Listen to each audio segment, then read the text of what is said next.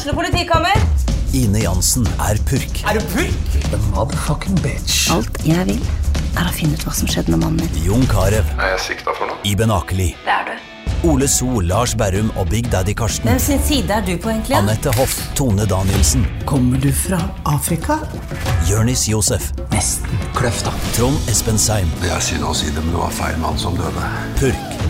Premiere tirsdag på TV2 Play. Tid for at vi skal Å ja, nei, OK. Sorry, Eh, sorry. Ja. Beklager.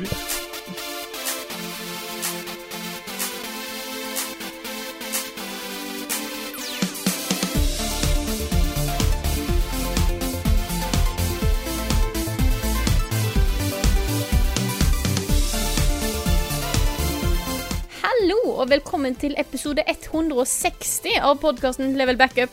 Med meg, Frida Danmo, og med meg har jeg som vanlig Karl Martin Hogsnes og Rune Fjell Olsen. Og i dag har vi òg med oss Lars Håkon Storm Bakken. Hallo, folkens. Oh yeah! Hello. Hello. Du skal navnet mitt i dag. Igjen, Lars. Jo, takk. Det er koselig å være tilbake. Det er sånn Når man først har mulighet, så er det jo Er det hyggelig. Sist gang, ja, sist gang så eh, sa jeg etternavnet til Carl og Rune, eh, og så glemte jeg hva du hette til mellomnavn. Og bare sånn Shit! Så da ble det bare Lars, men i dag hadde jeg hele Ja. greia. Fornøyd. Men altså, det, det slår på en måte ikke eh, Nick skulle sende meg en, en gave i posten til jul. og det var sånn Det var bare fornavnet mitt. Og liksom så vidt det var adressen. Det var liksom sånn herre Ja, de fant fram. Det er det, det røde, det hvite huset ved siden av det. Det var sånn på en måte. Ikke helt, Wow. men det var litt sånn at jeg bare Nick, vet du ikke hva jeg heter? En, en pakke til han Lars som bor i det huset der med den huden. Ja, da måtte jeg le litt, ass. Det var veldig morsomt. Mm. Men jeg også har jo en litt flau historie der. Hvor uh, Det var en av de første innslagene som du var med på i Level Up, hvor jeg skulle eh, supre navnet ditt. Ja. Og så skrev jeg Lars Håkon Storm Larsen. Å ja. Jeg, fikk, jeg hadde liksom fått det for meg at du het Larsen til etternavn. Jeg vet ikke hvorfor. Men det var kanskje pga. Liksom Storm-Lars. Så tenkte jeg liksom Ok, kan, hadde Lars Storm-Larsen. Ja, det, jeg, ja. Men det, det var liksom bare Mens jeg satt der, så ga det veldig mye mening. Men Ja, eh, jeg, fikk er- jeg fikk jo fiksa opp i det. ja. Det som er forvirrende, er at Storm både er liksom fornavn, mellomnavn og etternavn. Så det er sånn Ja, hvor passer det inn, liksom? Ja. Mm. Mm. Nei, jeg ser den. Så det er, eh, det er mange som har uh, fucka opp navnet til Lars, altså. Så Ja. Men hvordan har dere det i dag, eh, folkens? Går det bra? Det går eh, kjempebra med meg. Jeg har akkurat fått en tekstmelding fra finans.no om at jeg har et innskudd på min cryptocurrency-konto med markedsverdi på 56 440 kroner. Oi! Jeg må, jeg må bare klikke på den linken da, for å, eh, for å få tilgang til den kontoen. Ja, det er en sånn en, ja. Som jeg da aldri har oppretta, så jeg gjør jo ikke det. nei. Men er det Det er ikke en sånn sjeik da som har, som har behov for å få ut noe penger fra Ja, det kan være noe sånt. Ja. Det jeg hørte disse nigerianske prinsene har mye penger å gi vekk. Ja, det da, har de har det, vet du. Men jeg har et annet litt sånn uh, morsomt uh, En morsom situasjon i hjemmet mitt uh, om dagen. Eh, fordi jeg har jo introdusert ungene mine for en, en kjekk og stram YouTuber ved navn Kjerne-Carl. Nei, Eh, så de har begynt å se på Let's Play-ene dine nå, Carl. ah, nei, har du det? Jeg må for det første si at det der er du flink til også. Eh, det å sitte og prate mens du spiller. Hva, men hva er det, Nå ble jeg veldig nysgjerrig på hva det er de ser på. Hvor gammelt Nei, De er det? litt mellom Minecraft og eh, Super Mario 64. Okay. Så de ser, ser litt av begge deler. Men Ja. det som er så funny, det er at de kjenner deg, ikke sant? Så de sitter jo, det er så gøy, de sitter i sofaen bare 'Carl, du kan ikke si shit!' og snakker, de snakker med deg. De snakker til deg, liksom. Som om du var der. Det er utrolig koselig, altså. Kjempekoselig. det, det passer veldig bra at jeg er i en litt sånn fase nå hvor jeg er litt sånn jeg, jeg, jeg har ikke helt noia for de gamle videoene mine, men jeg tenker litt på de. Sånn her, Hvem var jeg egentlig for sånn 20 år siden? Er det representativt for den jeg er nå? Sånne ting. Så, øh, men ja, ja. Da blir jo barna dine litt sånn kontrollsjekk for, øh, for om det gamle er greit. Ja da. Men det er jo sånn øh, øh, Jeg syns Minecraft-serien Vi, vi starta fra begynnelsen av. Jeg ser jo ikke alt, men stemmen din er jo nå i stua vår ganske store deler av den tiden mens ungen er våkne. Ja. Uh, så jeg får jo med meg ganske mye. Um, og Det var veldig bra, men jeg syns det var en sånn markant forbedring til Super Mario Let's. Når du snakker Ja. der, så er du proff, altså. Men den er, proff. den er vel sånn tre-fire år eldre, nyere, tror jeg. Ja, ikke sant. Så, Så, det er noen år imellom ja. der. Jeg Men jeg forstår godt at du har 2010. eh, hva er det, 180 000 visninger og sånt på disse episodene. Det er ganske crazy. Ja, jeg, jeg så den første Minecraft-episoden. Den har jo nå Mm. en kvart million. Oh, Ikke sant? Og det er helt sjukt. Jeg husker liksom da den hadde 100. Ja. 100 views, liksom. Mm. Um, Nei, men det er koselig. Ja, ja Ja. det, var, det visste jeg ikke. Nei, jeg har spart det til podkasten. Ja, Ja, du får introdusere dem til eh, julekalenderen vår. eh, til julen, ja det, det må de se. Så med Carl som forteller og sånn. Det er jo Mm, Det kommer de til å digge. Det er Den brukte du å- et uh, Den brukte du en hel høst på, Lars. Ja, Mm. men det er så morsomt å gå tilbake og se, for det er sånn der, vi starter jo hele greia med at Carl står og forteller, og så er det en sånn herre Oh, by the way, det er akkurat samme dagen som Level Up er tilbake. Og. Det, var jeg, og det var før jeg var med i Level Up, så det, var liksom, det er ganske morsomt å gå tilbake og se. Og du ser liksom veldig annerledes ut enn det du gjør i dag. Ja, ja, det er lenge siden jeg har sett den, men jeg husker at jeg, jeg så litt rar ut i den serien. ja. Du er ikke aleine om det, Men, så det går bra. men siste episode, Rune, av Mario, Mm. der jeg må bare advare om at der kommer det en sang som jeg synger på slutten, og den er litt grov. Ok. Og den er det, ja. Ja, så bare, bare sånn så du For å komme med en liten sånn parent warning. ja. Det som er litt morsomt, er jo at um, uh, Nå vet jeg ikke hva de heter, alle disse folka her. Hva er det de heter, da? De som har disse populære sangene som handler om uh, fyll og sex og sånt. Ikke russesanger, men nesten på nivå med det. Ok? Sånn uh, bli med hjem etter byen og ta en pinne Ta en pinne med gutta, ta en pinne for Jeg husker ikke. Ta en pinne for Ørne og pinne for Ikke sant? ok Ja, det, ja, ja, ja. Masse sånne låter. Det De, det er sånne ting de hører på og synger. da. De går rundt og synger om å ta en pinne for folk og Det er ordentlig med, men de vet jo ikke hva det betyr. Så det kan du Nei. liksom satse på det, da. Ja, det ja for jeg tror, jeg tror det er liksom Det er ikke subtilt, men det er kanskje subtilt nok. Ja. Aldersgrense tolv år, liksom, for å Ja. forstå hva det faktisk betyr. Ja. Det er bra. Det, Jeg må nevne en kjapp ting også, for jeg var eh, på Gardermoen Airport Hotel og holdt et foredrag uh, på tirsdag for lærere og helsepersonell på Østlandet som håndterer eh, da særlig barn og ungdom eh, som kommer inn med spillproblemer. Enten at de er avhengige, eller at foreldrene er bekymra. De er der for å lære om spill, for å kunne hjelpe folk. Det er liksom utgangspunktet. Eh, det er andre året jeg har vært der. Eh, mitt, eh, eh, mitt mandat er jo å rett og slett bare beskrive hva spill er, for en forsamling som varierer fra uh, Det var en som var med i Kandu, så han vet jo veldig godt hva spill er, til uh, noen som ikke kan noe om spill. Så jeg syns det er interessant, og jeg syns det er gøy å møte en sånn forsamling og snakke om dette mediet jeg er så glad i. Uh, og så er jeg jo alltid ganske forberedt på at kanskje ikke alle er like glad i spill, eller like positive til spill. Eh, og det toppa seg litt uh, i år, fordi etter at det var ferdig, og det var sånn spørsmålsrunde, så var det en da som rakk opp hånda. Og så sier han ja, når han sitter og hørt på meg da, beskrive spill og snakke om spill og sånt, og måten jeg snakker på, det er akkurat som å høre en alkoholiker snakke om alkohol. og så Ja. ber han utdype, da. Uh, nei, så svarer jeg Jeg svarer først ja, eh, alkohol er jo kanskje litt mer skadelig eh, for folk da enn enn spill. Og så han nei, det er det ikke. det er bare, Så kommer det en sånn statistikk om at det er bare 20 av, eller 20% av de som, drikker, som er alkoholikere, har aldri noen eh, problemer i det, hverdagslivet sitt med det i det hele tatt, og sånne ting. da så han mener faktisk helt seriøst at bare det å være veldig glad i spill er dårlig da, for folk. Eh, og han Seinere også så var det snakk om hvorfor det er så mange flere gutter enn jenter som spiller. At jentene faller fra litt, uh, uh, litt kjappere enn guttene gjør i ungdomsårene. Og da var han bare sånn Det er fordi jentene blir fortere voksne. Og det, det var litt rart å sitte og føle på den, den liksom, litt sånn der sinne boble litt inni meg på hvor trangsynte og dust folk kan være på det mediet her. Det er liksom, det er mange år siden at jeg har, har kjent på den, altså. Ja, ja, Men de fins fortsatt. ja, de gjør det. Jeg, jeg tenker jo litt sånn at den tida er over. Mm. Um, men jeg innser at jeg kanskje også lever litt i en boble. ja. Ja. Vi gjør At det. jeg, at jeg på en måte nesten alle jeg kjenner, har jo et eller annet forhold til spill. Mm. Så jeg er veldig vant til at folk vet hva det er, og vet hva, hva som er bra med det. eh, og Mm. at eh, folk ikke kjøper den der skremselspropagandaen. da. Mm. Men det er rart. Er Jeg skjønner at du ble litt uh, provosert av det. Ja, Der og da så var jeg ikke så provosert, men etterpå, når jeg tenkte over det, så har, jeg, her har det kokt litt inni meg, da.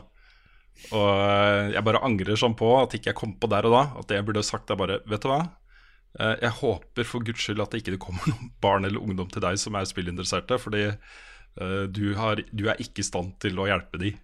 Altså, Det er han virkelig ikke, med den holdninga der. Hvordan skal du møte Du kan ikke møte spillinteressert ungdom med den holdninga der. Det går jo ikke, det. Så ja. Det er ikke. Men det var ellers veldig interessant, da. Det er eh, alltid morsomt å få, eh, få eh, en diskusjon med folk som, som er kanskje ganske nysgjerrig på spill, og som ikke kan så mye om spill, og som stiller spørsmål jeg ikke er vant til å få, uh, osv. Så, videre. så eh, veldig ålreit session, alt i alt. Bare den ene lille greia der. Det var bare det jeg ville si. Ja. Jeg kan jo fortsette å si at jeg, jeg har det ganske fint i dag. Jeg har et lite irritasjonsmoment. En liten ting som jeg fant ut rett før podkasten. Og da er det at eh, jeg tydeligvis, før jeg la meg i går, ikke har klart å fjerne sminken i hele ansiktet mitt. Jeg har nå, dere kan kanskje se det, jeg har nå sminke på det ene øyet, men ikke det andre. Og det er igjen fra i går, og det er sjukt irriterende. Eh, så det er på en måte min, min, mitt store problem, da, at jeg ikke, ikke klarte å ta vekk all sminken min i går. Og det, Jeg føler meg litt dust, men eh, jeg skal gå og fikse det etterpå. Det Story of my life, altså. Ja. Ja, Fant ut av når jeg skulle prøve å klø meg på øynene, bare sånn Å nei, der er det maskara der, ja. Mm. hva er det man sier? Føleren? Mm. Føleren, ja. Mm. Preach. Ja. Ja, eh, nei, jeg kan jo eh, Jeg er eh, også relativt god form. Jeg er litt begynner å irritere meg litt over at jeg har begynt å bli forkjøla igjen. For det er ikke så lenge siden sist jeg var forkjøla. Så jeg vet ikke helt åssen jeg har fått til det. Men uh, begynner å bli litt sånn pjusk. Så jeg skal, jeg skal prøve å liksom bekjempe det før det setter seg skikkelig. Så um, jeg håper at jeg slipper å bli uh, dårlig igjen. Håper det. Ja. Du får bekjempe det med Hørte noen greier om en eller annen fyr som brukte vitaminer og dosa på seg med C-vitaminer. Og han hadde ikke Sykdommen hadde ikke et navn. Sykdommen hadde ble kalt opp etter hvor mye C-vitamin det tok for å gjøre deg frisk. Å ja. Ja, Så det kan hende at det funker. Jeg vet ikke. Bare um, nevner det. Nei, nei, for jeg har hørt liksom Det er to ting du må gjøre. Det ene er å ha det varmt. Og det, an og det andre er å liksom bare pøse på med vann. Er Drikke til det ikke, til ikke du orker mer. Pass på at ikke du får, tar for mye, for det um, Du kan drukne deg sjøl nedi. Ja, altså det Mm, som har skjedd, er at noen har jo drukket så mye at hjernen hovner opp. Så dør du av det. Ja, Jepp. Ja, så betryggende å høre. jeg vet ikke om det er så lurt, men ja. nei, Så drikk, drikk masse, men ikke til hjernen svulmer opp. ja. Ja. nei. Nei, for jeg tenker liksom at på et eller annet tidspunkt så må du jo liksom ikke være tørst lenger. Ja, Ja. men Før du liksom drukner hjernen din. Ja, men du? Ja. Jo da. Men hvis du bare pøser på Du kan jo bare pøse på at du liksom Ja, du kan, men uh, ja. Ja. Nei, jeg vet ikke. Ja, nei, men jeg skal, jeg skal prøve det. Altså, jeg skal prøve å ikke drukne meg innvendig. Ja. Ja. Eh, skal jeg si noe, da, eller? Uh, Har du, hvis du har lyst til å si noe? Du, ja. Ja, det går bra med meg. Det jeg tenkte, sa du i forhold til å bekjempe og sånn Jeg har nettopp fått tilbud om å ta mandlene. Fordi jeg har jo hatt så sjukt mye halsbetennelse og sånne ting i det siste. Og nå går jeg på sånn spesiell nesespray og sånne ting som skal liksom få dette til å funke både morgen og kveld. da Og jeg har fått tilbud om å ta mandlene. Og jeg har hørt liksom fra veldig mange her sånn der Det må du gjøre, for det er liksom du får et nytt liv i etterkant. Og bare du blir ikke sjuk. Og det er sånn Ja, litt sånn kløe i halsen og liksom that's it. Jeg bare, det, er for godt til å være sant. Og så Men samtidig da så hører jeg sånn Ja, men de to ukene, i hvert fall to ukene etter at du har tatt den, er, det er kanskje de jævligste to ukene i ditt liv, og du kan ikke spise. så jeg bare Nei. Ja. Nei, jeg har hørt, hørt mange skrekkhistorier fra folk som har tatt mandlene på akkurat det der. De Ja. har det veldig bra etterpå, men de to ukene tror jeg er et helvete. Ja, og så er det sånn Første dagen med morfin og sånn, så er alle liksom bare ja, Det går fint. Og så begynner det å roe seg litt ned, og så, og så begynner det å gå opp litt. Og så, eller så blir det liksom fint en liten periode, men etter sånn halvveis uti det, sju dager eller sånn, da bare tar det seg helt sjukt opp, visstnok. Hmm. Så jeg, jeg, jeg har blitt litt sånn Takk for at dere sa dette her. Nå um, så jeg for meg liksom et, et godt liv, og så tenkte jeg sånn Nei, jeg tror kanskje ikke jeg har lyst til å gjøre det likevel. Det er Jeg noen som ikke. dør av eh, narkose også, som aldri Yes. våkner opp. Yes. Det er noen som får masse blødninger i halsen nå etter at de har eh, tatt uh, mandelen. Så mye kan skje. Um, Men det er så fint sånn at vi er her for å liksom Ja. uh, fortelle folk om alle de nye måtene de kan dø på. Ja. Ja, sant det, altså. Det er, ja, det er bra. Uh, og så tenker jeg liksom Den beste måten å dø på må jo være i full narkose. Altså, oh. Kjenner du noe da, liksom? Vet du hva, Det å være i narkose er noe av det deiligste jeg har opplevd noen gang.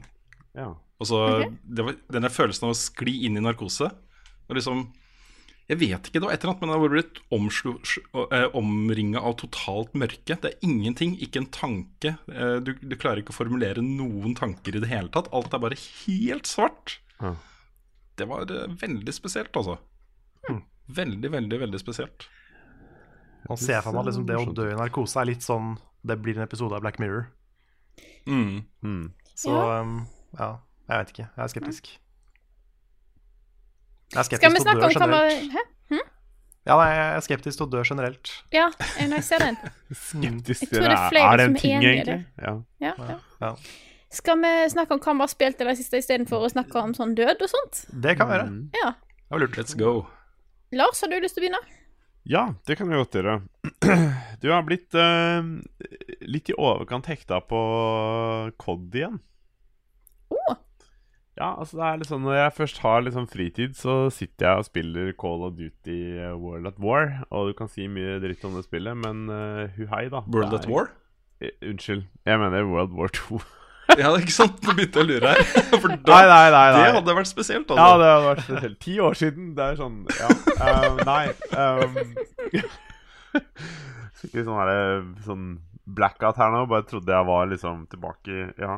Nei, men det var, eh, det er, Jeg vet ikke hvorfor jeg sa det, men um, det føles veldig ut som å spille det spillet igjen. Fordi at i starten så hata jeg jo World at War.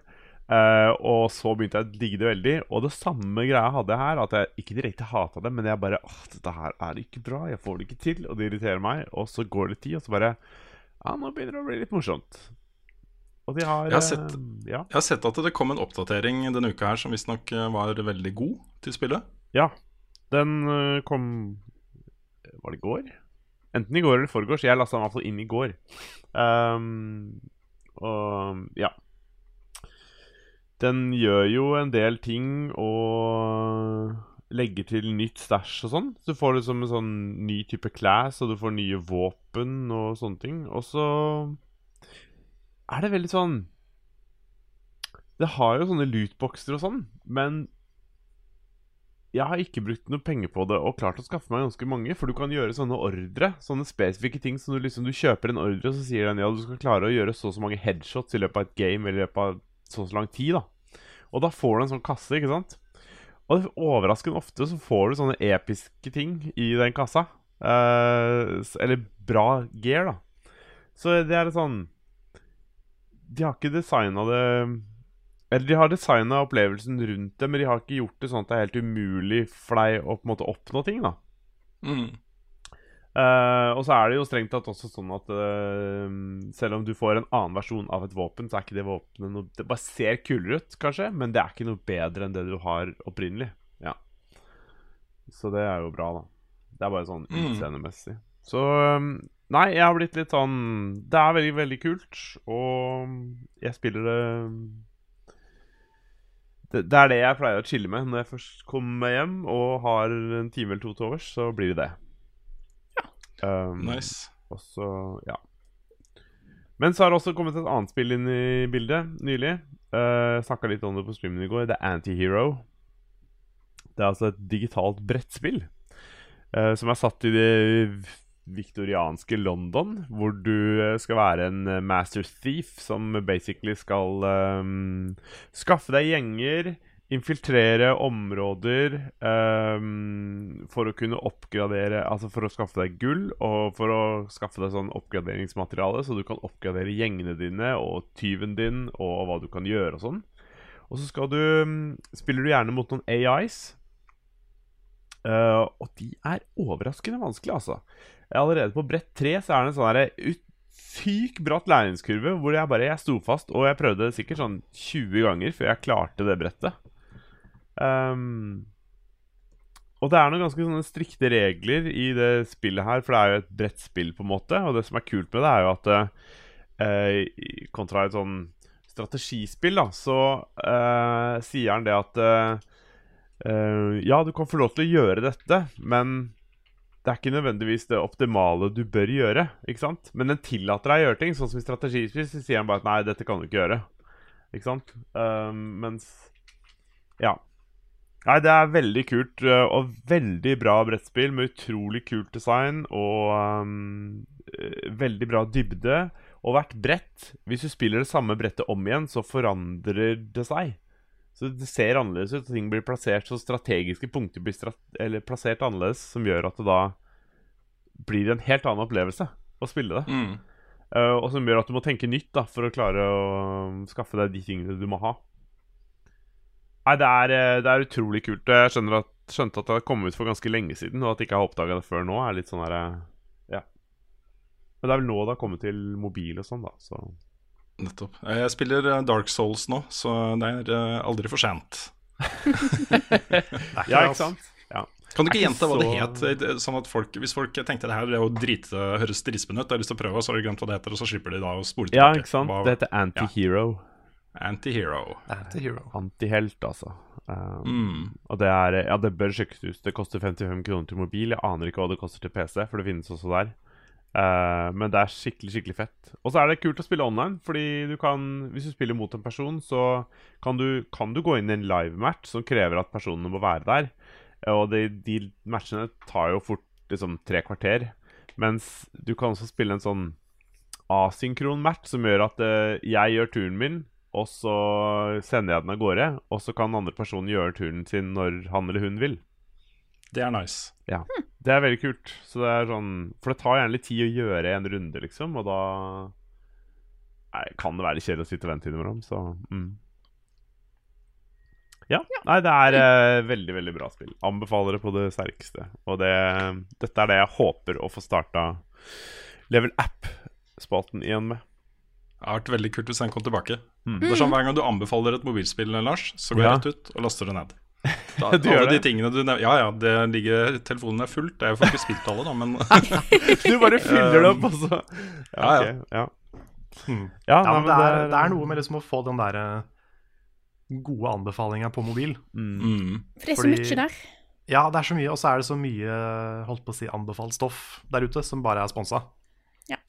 Ja. Så det å faktisk få en anbefaling fra noen som har vært og testa ting, det er ganske kult, altså. Stort på Lars. Stort på Lars. Mobil- Mobil-Lars. Ja.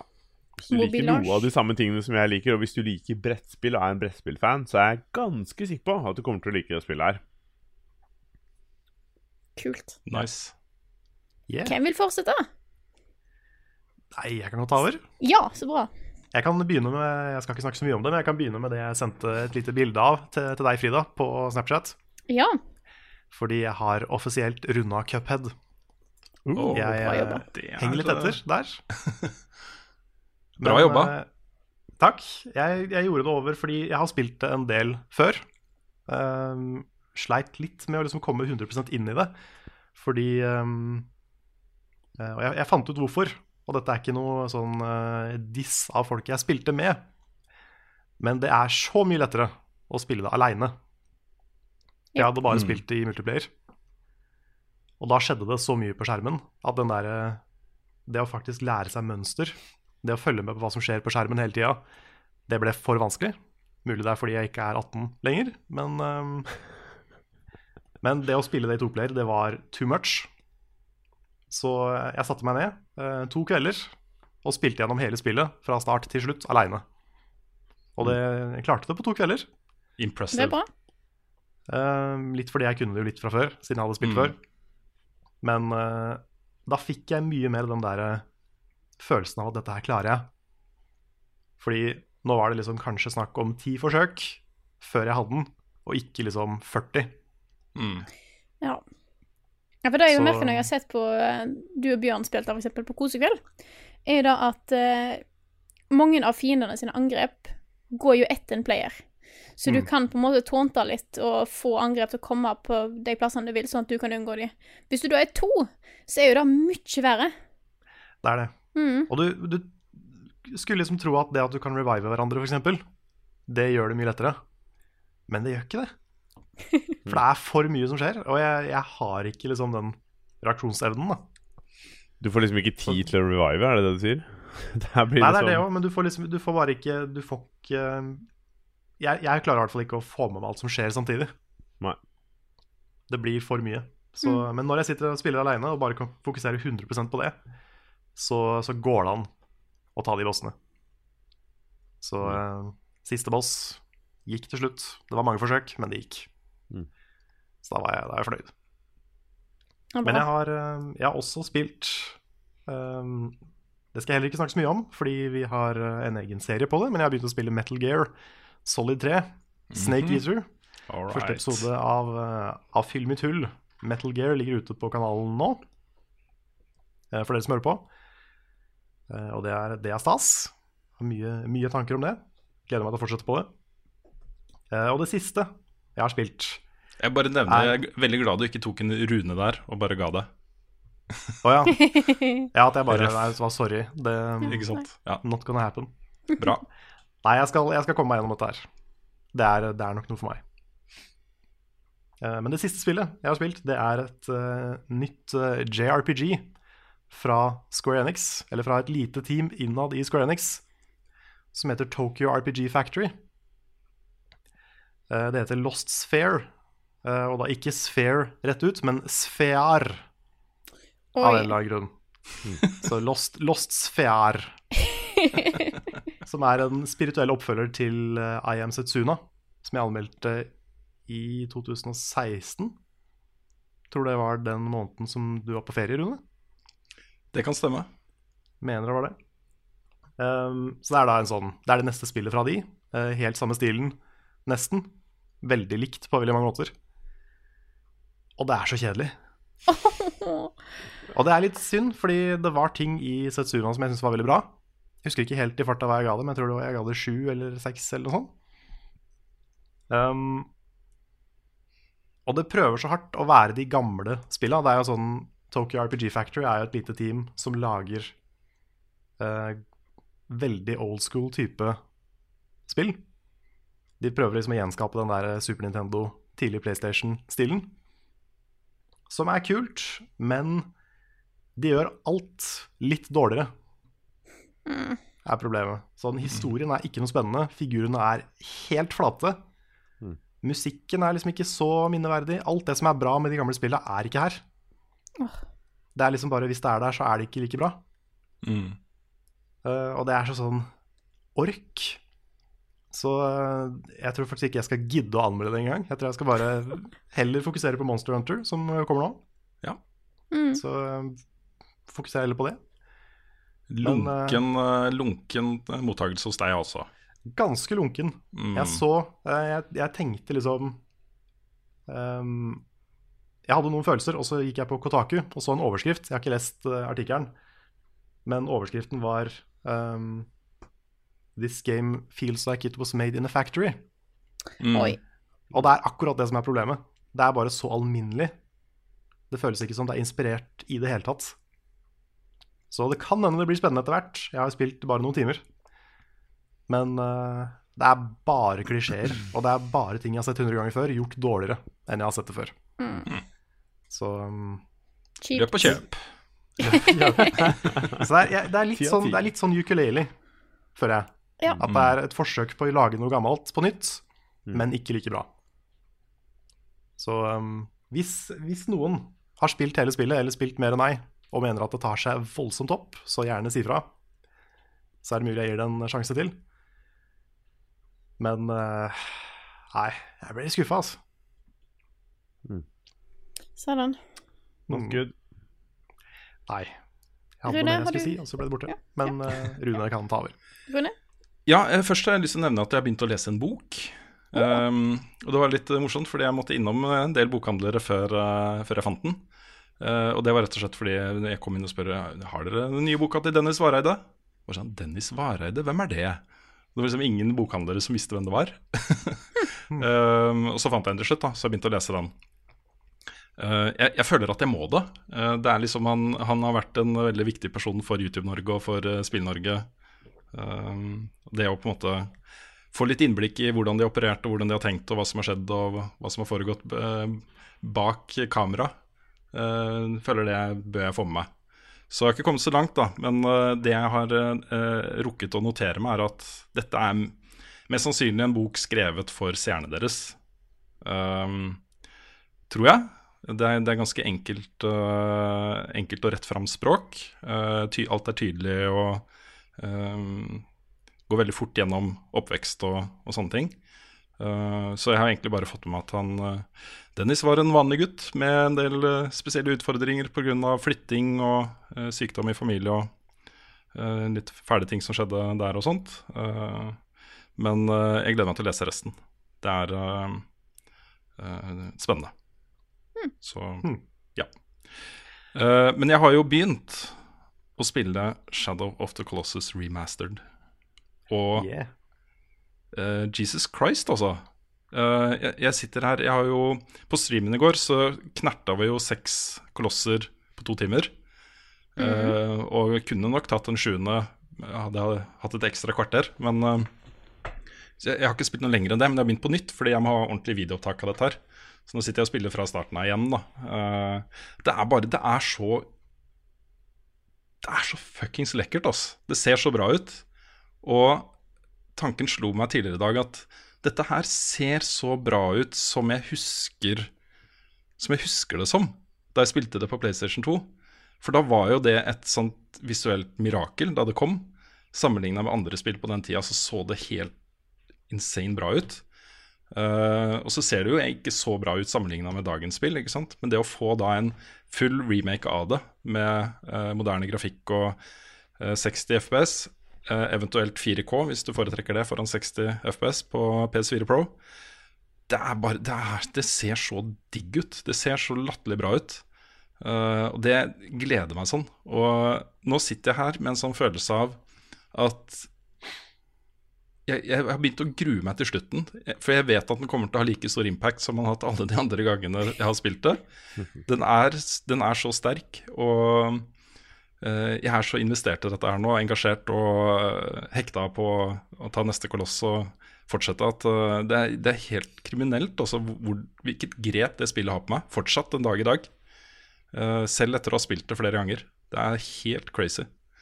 Så Eh, jeg har jo ikke lov til å anmelde det ennå. Men uh, Sony har jo vært litt sånn Ja ja, vi vet at dette er tredje gang vi gir ut dette spillet, og at folk vet hva dette spillet er, og at du kanskje har spilt det før, og sånne ting. Så uh, helst ikke si noe om hva som skjer etter uh, Koloss nummer åtte, men uh, ja ja. Det, det, virker ikke som om de har tenkt å aktivt gå ut og ta folk for å komme med meninger om spillet før det er ute. Det ville jo vært veldig rart. Jeg kunne jo bare sagt sjekk klassikerinnslaget mitt, folkens. Ja, sant. så, ja. Nei, men Det er et eh, strålende gjensyn også. Du også fikk jo litt hakeslepp av det, Carl, når jeg satte meg ned på, på TV-en din med det. Ja, det var så pent. Mm. Jeg spilte jo originalen litt seint. Jeg tror jeg var ganske langt inne i PS3-generasjonen før jeg spilte originalen. Så jeg fikk aldri den der wow-følelsen av grafikken på det. Men nå er det liksom mer enn så pent jeg skulle ønske det var da. Mm. Nå har det liksom Hvis jeg skulle bedt om en oppdatering for, for, den grafikken, da, så er det akkurat dette her jeg hadde bedt om. Jeg syns det ser akkurat sånn ut som det burde se ut. Mm. Og det var kult. Det var noen i streamen i går husker jeg, som kommenterte at det, det hadde mista litt av den der drømmefeelingen. Mm. At det ble for skarpt. Og jeg ser den, men jeg syns fortsatt det er så bra. Mm. Det, det, plager meg ikke så mye, akkurat det. Jeg bare Jeg syns det er Hvis de først skal oppdatere det spillet, så har de gjort det helt riktig, syns jeg. Jeg er helt enig. Og dette er jo et veldig goldt og kaldt landskap. Uh, dødt og øde. Og den feelingen er der fortsatt, selv om ting ser litt penere ut. Jeg føler ikke at noe har forsvunnet da, uh, fra Nei. spillet ved å oppgradere grafikken. Nei, så har du jo Instagram-filter. Ja. Massevis. Eh, fra mer eh, vibrant colors til kaldere og nattelys og alt mulig rart. Så eh, ja, jeg nekter, da. Jeg har på ingen, ingen filtre. Jeg vil i hvert fall spille det én gang før jeg prøver et filter. Men uh, ja. Så har jeg liksom Det er jo fortsatt ting i det spillet her jeg ikke har utforska selv så mange ganger jeg har spilt det.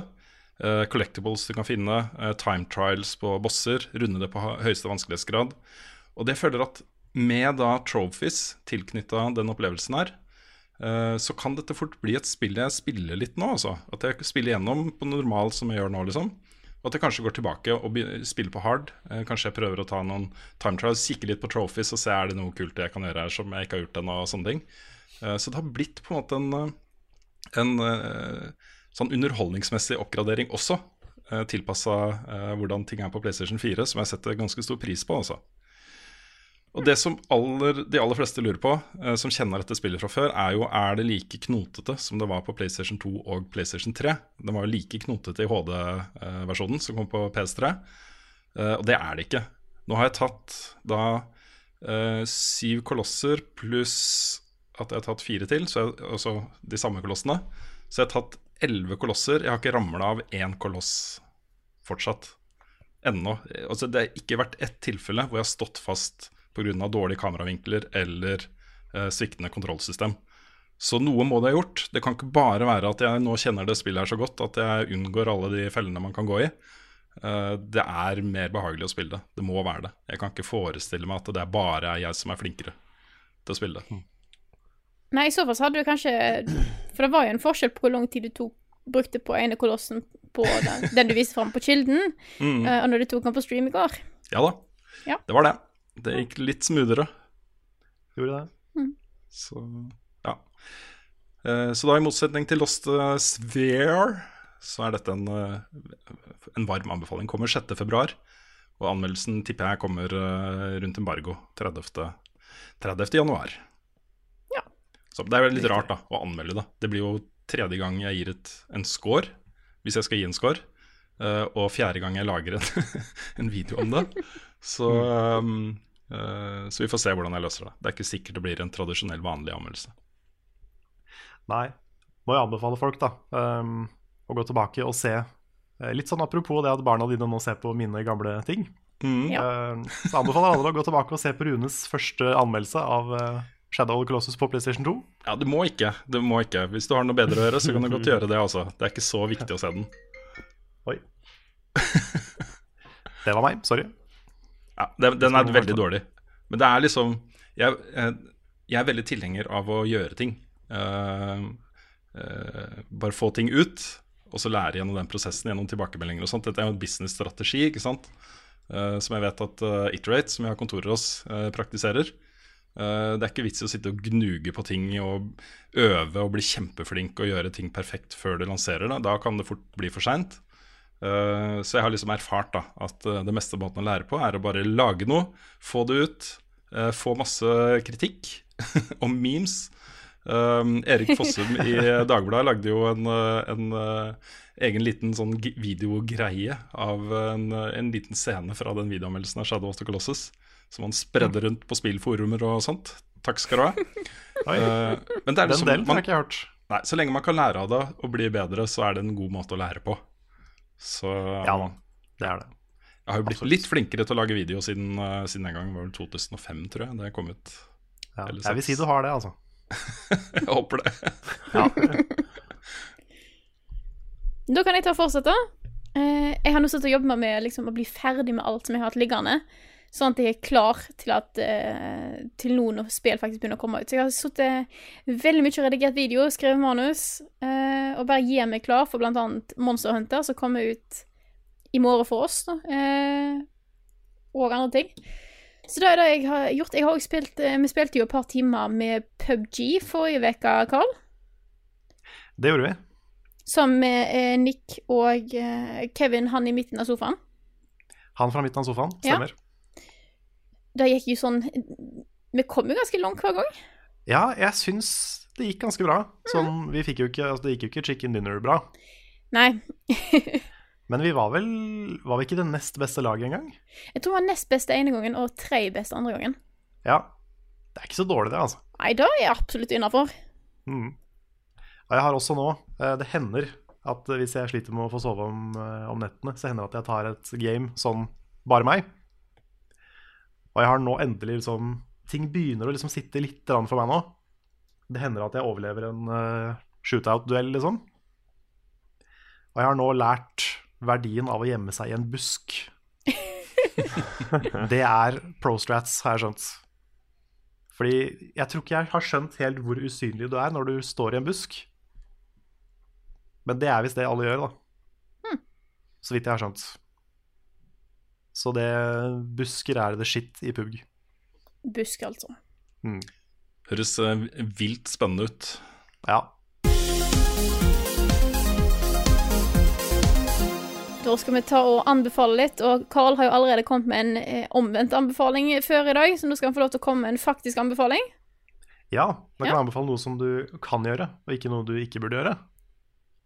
Det er, nå er jeg veldig slem. Lost Sphere er helt ok. Det er sånn hvis du, hvis du er sykt klar for et nytt JRPG, så er det ikke det verste du kan spille. Altså. Det er bare veldig alminnelig, på en måte. Ja. Men jeg kan, jeg kan hoppe over til det jeg skal anbefale. Uh, og det er ikke en YouTube-kanal, men en YouTube-serie som, uh, som har holdt på en stund. Jeg tror kanskje jeg er litt late to the party der. Men jeg ble veldig imponert, eh, og det er en serie som heter Movies with Mikey.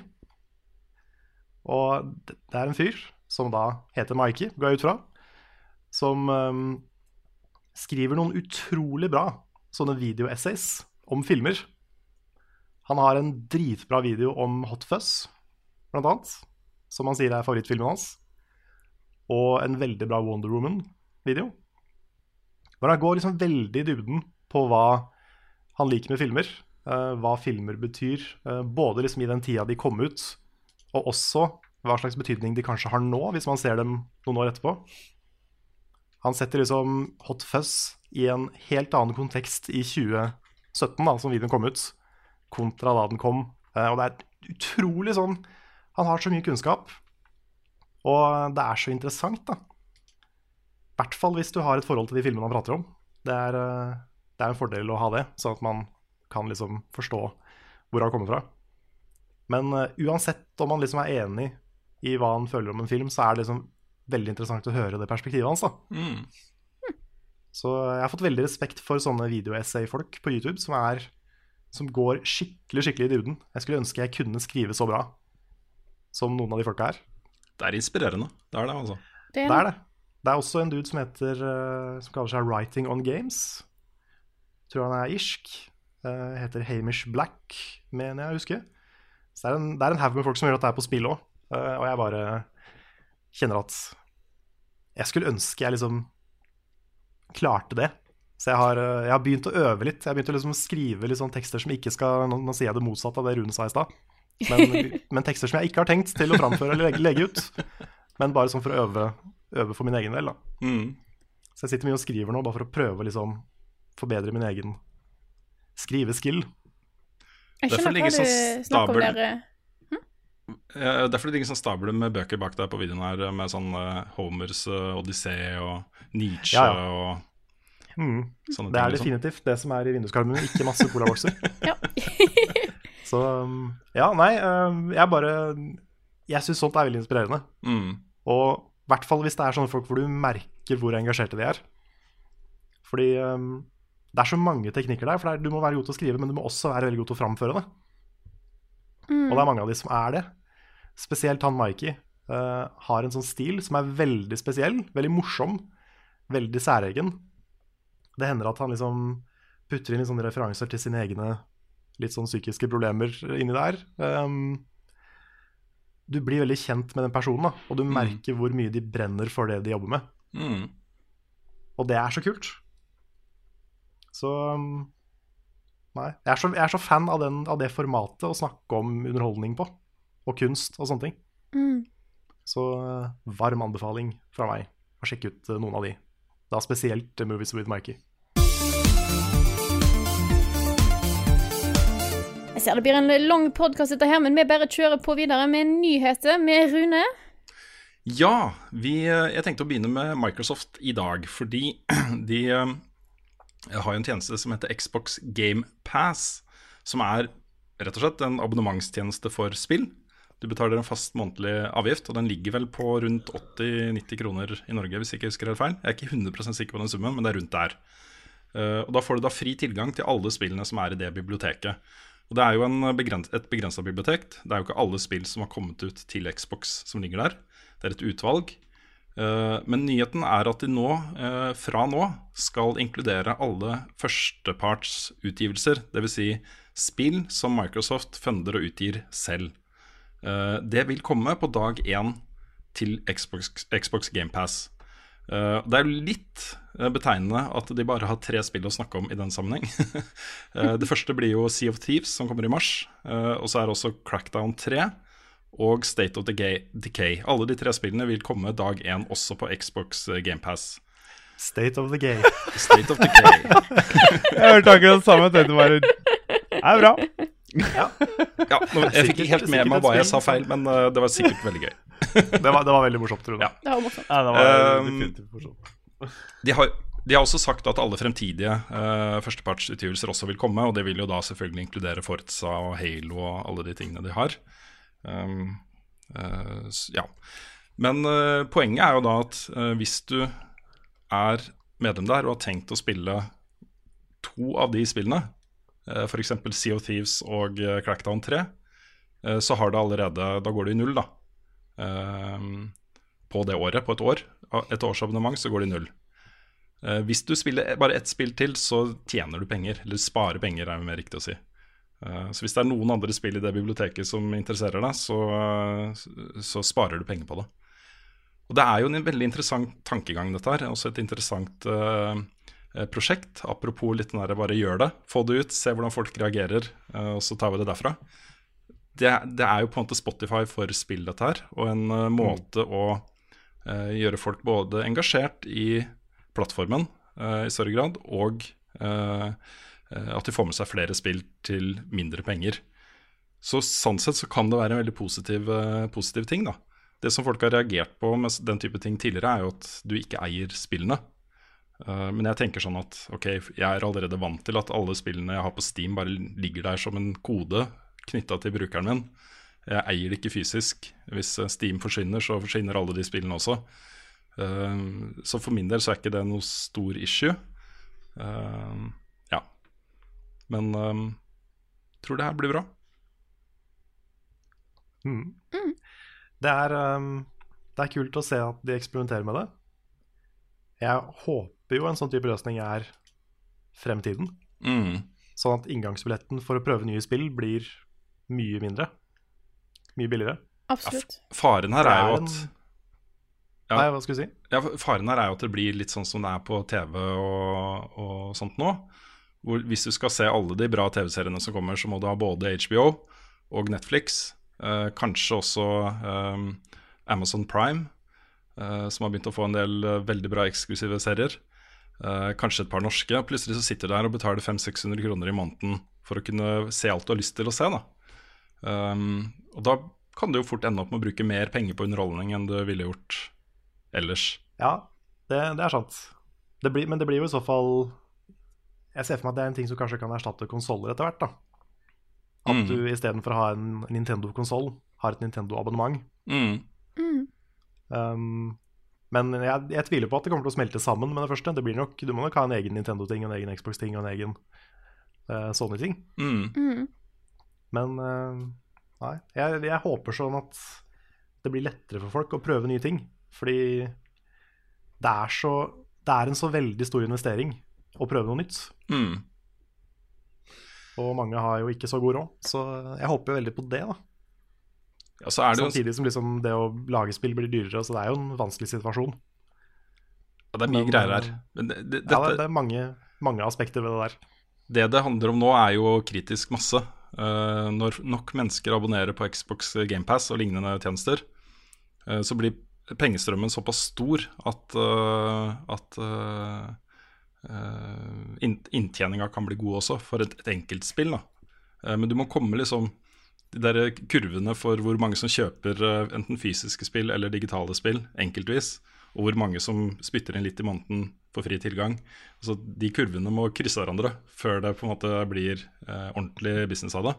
Og Det er akkurat det samme du så med Spotify, som gikk jo i mange år. eh, hvor selv de de mestselgende eller mest streamede artistene satt igjen med mindre da, enn de ville gjort uh, hvis de bare hadde solgt uh, CD-er. Og så kommer det til liksom en kritisk masse. Det er nok mennesker som betaler 99 kroner i måneden for dette her, til at uh, fordelinga blir mye større. Du får mye mer penger som artist. Så jeg, jeg, jeg er jo fan av den måten å gjøre ting på. Jeg foretrekker å bruke en hundrings i måneden på fri tilgang til musikk, istedenfor å måtte gå ut og kjøpe låter og album enkeltvis. Det er en mye bedre eh, greie for meg. Jeg oppdager så mye mer musikk nå enn jeg gjorde før jeg hadde Spotify. Så um, det, det samme vil man jo kunne se på spill, ikke sant? hvor kanskje terskelen for å prøve litt mer eksperimentelle ting blir lavere fordi du allerede har det. Altså Du har fri tilgang til det, du kan bare gå og laste det ned og så spille det. ikke sant? Ja, sant. Du trenger ikke å bruke 500-600 kroner på noe du kanskje ikke liker. Mm. Jeg er fan av det. Jeg håper, det, jeg håper vi vil se det på PlayStation og Nintendo og sånt også. Jeg tror, det, tror nok det er litt den veien det går. Mm. Ja, det har, jo, det har jo vært forsøk på dette her før, som ikke har funka. Du hadde jo eh, Var det PlayStation Now det het? Mm. Og OnLive og sånne ting. Ja da. Uh, og der var bare tilbudet for dårlig, og det var dårlig streaming, og det var sånne ting som var problemet. Men uh, jeg tror det fins en versjon av dette her som funker. Mm, absolutt. X- Xbox GamePass er jo sånn at du, du laster jo ned spillene. Du sitter ikke og streamer fra Ja. en server et sted. Eh, Nei, for du- det løser jo mye, i hvert fall fram til vi lever i eh, den perfekte internettfremtiden. Ja, ikke sant? Og du kan til og med eh, kjøpe ut spill. Hvis du har tenkt å gi deg som abonnent, så kan du få rabatt da, på å kjøpe spillet. Ta med deg det videre. kult. Og du beholder også, Si du tar pause i noen måneder, så beholder du også saven din på spillene, selv om du ikke har tilgang til dem. Så ja. Greit, jeg har ikke testa tjenesten selv, så jeg kan ikke gå god for den, men den virker bra. Det høres bra ut sånn i teorien. Mm. Mm. Uh, litt morsom nyhet. Litt sånn motstrømsnyhet. Um, det er jo så mye snakk om eh, loot crates og hvor eh, fæle de er, og hvor lite vi har lyst til å ha de i spill. Nå innfører Ubisoft uh, loot crates i uh, Ghost Recon Wildlands. Det har ikke vært der, men det kommer nå. midt, i, midt i alle disse stormene rundt, uh, rundt uh, loot crates. Ja, nå. Nå gjør det det. That seems like a good, uh, good time to do this, guys. Det virker som at det er en eller annen, en eller annen luring som har sittet på Som ikke har peiling på hva han driver med. Som sitter Mm. på, det var Ubisoft, dette? Ubisoft. Men de har, jo, de har jo tatt mange skritt tilbake, uh, sammenligna med hva eh, EA har gjort med Battlefront 2. Eh, Ja, men, men det jeg tenker på da, er at det er kanskje en eller annen fyr på, er, er på Ubisoft har sittet bare sånn der Det er mange som snakker om lootboxer. Han Ja, det? jeg, jeg, Vi må ha det. tenkte, tenkte akkurat det samme. Ja. Liksom, her er en som har sett at lootboxer trender på Twitter. Ja. og bare Yes, det må vi ha. Nei, dette her er kroner og øre, folkens. Dette er et regnestykke som er helt åpenbart. De kommer til å tjene mye mer penger på, på å innføre det enn om de ikke hadde gjort det. Um, det, som er, det som er i Wildlands nå, er jo en veldig dedikert spillebase som har fulgt spillet en stund. Um, og som er glad i spillet, og som uh, uh, kanskje er ganske mottakelig for, uh, for den type ting også. Uh, de kaller det battle crates, og det er også delt inn i to. Du har én type crates som heter Spec-Ops eh, crates for singleplayer, og Ghost War crates for PVP. Kun kosmetikk. Og det er jo litt sånn betegnende også at når de annonser dette her, så var det jo en helt, helt avsnitt om hvor lite det påvirker faktisk gameplay. Uh, at det bare er kosmetikk. så, Ja. så vi får Det er bedre Sånn, da, da. Det Det er er, liksom- det er bedre. Ja. Mm. Um, litt sånn apropos eh, Lars. Yes. Du vet kanskje det, for jeg har fått et par sånne bokser i PUBG Ja. hvor du må kjøpe nøkkel for å åpne de. Hva er det? Kjøpe nøkkel. Du må kjøpe nøkkel. Ja, det, det er jo det som er mikrotransaksjonsgreia i Ja, fordi, men jeg har fått med at de har liksom forandra det så mange ganger, så jeg vet ikke helt hva, hva Men det er fortsatt bare kosmetikk i det, ikke sant? Ja, det, så vidt jeg veit, så er det det. Men er ikke dette her det du må kjøpe i den storen, da? Og så Jo, for jeg tror det var sånn her 20 kroner per nøkkel. mm, Jo da. Så eh, Det er jeg bare ble sånn overraska, fordi alle de pleier å være liksom Du bare åpner de, og så får du noe. Mm. Og så bare Å ja, her skal de ha penger. Jeg har, Med det litt jeg har spilt PubG, så jeg har fått én lootbox, og den fikk jeg etter vi hadde spilt noe på eh, noe forrige uke. Og den må jeg ha nøkkel for å åpne opp. Så jeg var sånn, å ja, nei, da får jeg ikke den heller, da. Nei. Det er jo sikkert for å få det, liksom, det kule gearet, da, så må du betale for å åpne. Helt Ja. sikkert. Vil jeg tippe. Mm. Det er, det, å, det er, det er litt sånn herre Det er jo litt sleipt, på en måte. Det er sånn Ja, her er gaven din, og så er det sånn Å ja, by the way. mm. må betale hvis du skal åpne den. Mm. Ja. Det skal jeg gjøre neste gang jeg går i bursdag til noen. Så er det sånn her Ja, her har du et pengeskrin. Å uh, oh, ja, du vil ha nøkkelen også? Ja, men uh, 500 spenn, it's yours. Nei, Du får ikke se hva som er i den. Hæ? Nei. Nei. Du vet ikke hva som er i den, liksom. Du, det er, du får bare en crate, og så er det Mm. Yes. ukjent Ja, du får vel en liste over det du kanskje kan få, liksom. Ja, nettopp. Men det er nett som å på en måte egentlig gi noen et flakslodd i bursdagsgave, på at de må kjøpe flaksloddet sjøl. Mm. Ja. Sånn, hei, jeg har tenkt å gi deg flakslodd, men kan ikke du kjøpe det? Her er en liste over hva du kan vinne. Mm. Ja. Det, er, det er akkurat det. God of War har fått uh, spikra lanseringsdato. 20. april. Yes. 420. Spennende. Yes. Ja, vet du hva, jeg gleder meg veldig eh, til det spillet nå. Um, og den husker ikke helt hva han heter i farta, men det var han som hadde uh, hovedansvaret for God of War 2. Uh, og som også skrev historien til God of War 3 før han slutta i Santa Monica Studios. Uh, og nå er tilbake. Og han kommer da inn i, i studien med en haug med gode ideer til hvordan man kan ta Kratos inn i, eh, inn i 2018 eh, som en moderne spillfigur og et moderne spillkonsept. Eh, Så de gjør en del endringer der som fokuserer mer på da Kratos og sønnen hans eh, som personer, og det forholdet eh, de har seg imellom. Og hvor de også har gjort masse med kameravinkler og kampsystem og sånne ting som gjør det til en litt sånn nærere, mer personlig opplevelse. Ja, jeg leste at de, um, de ikke skal kutte kamera gjennom hele spillet. At det, det er bare ett kontinuerlig shot. Mm. Det er et stilig grep, syns jeg. Ja, det er veldig.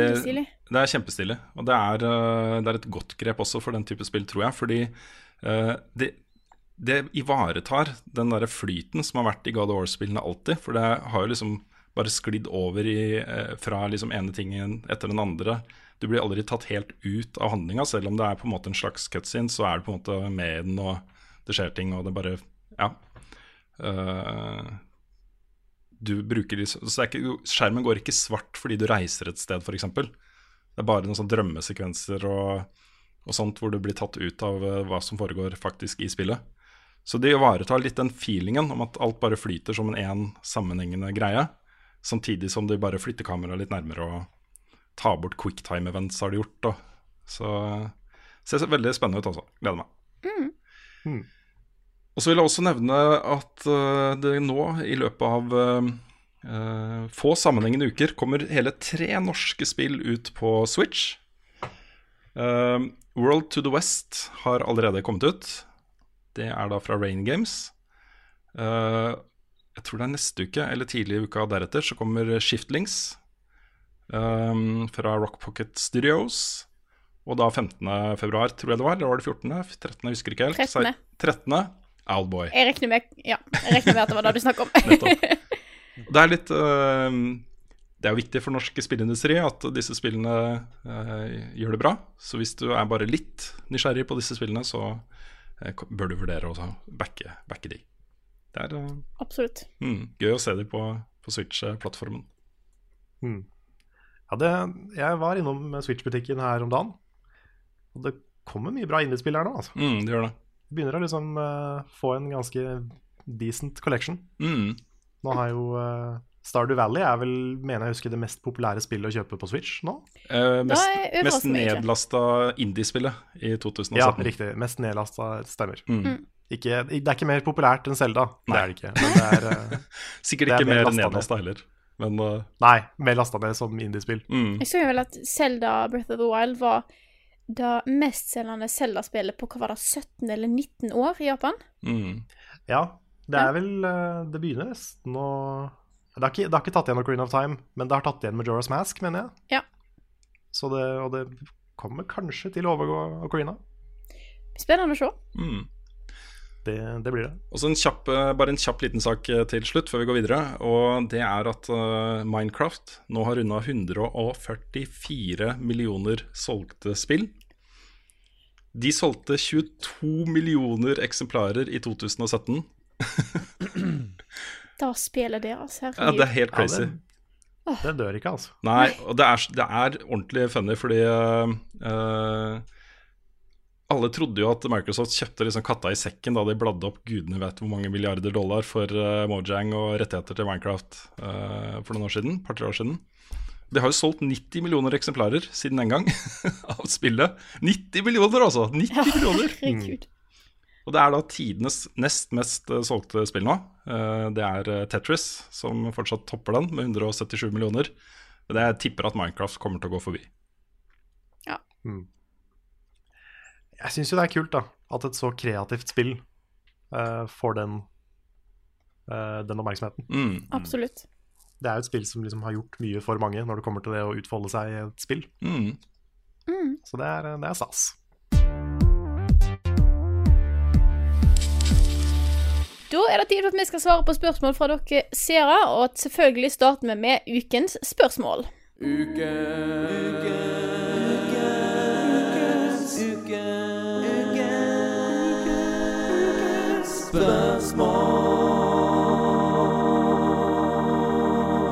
Ja, nok en gang tusen takk til Mathias for den fantastiske vignetten der. Eh, ukens spørsmål er fra Erik Berg Johansen, eh, og da lyder det som følger. Aldri mer spille spill som er eldre enn tre år, eller aldri mer spille spill som er nyere enn tre år.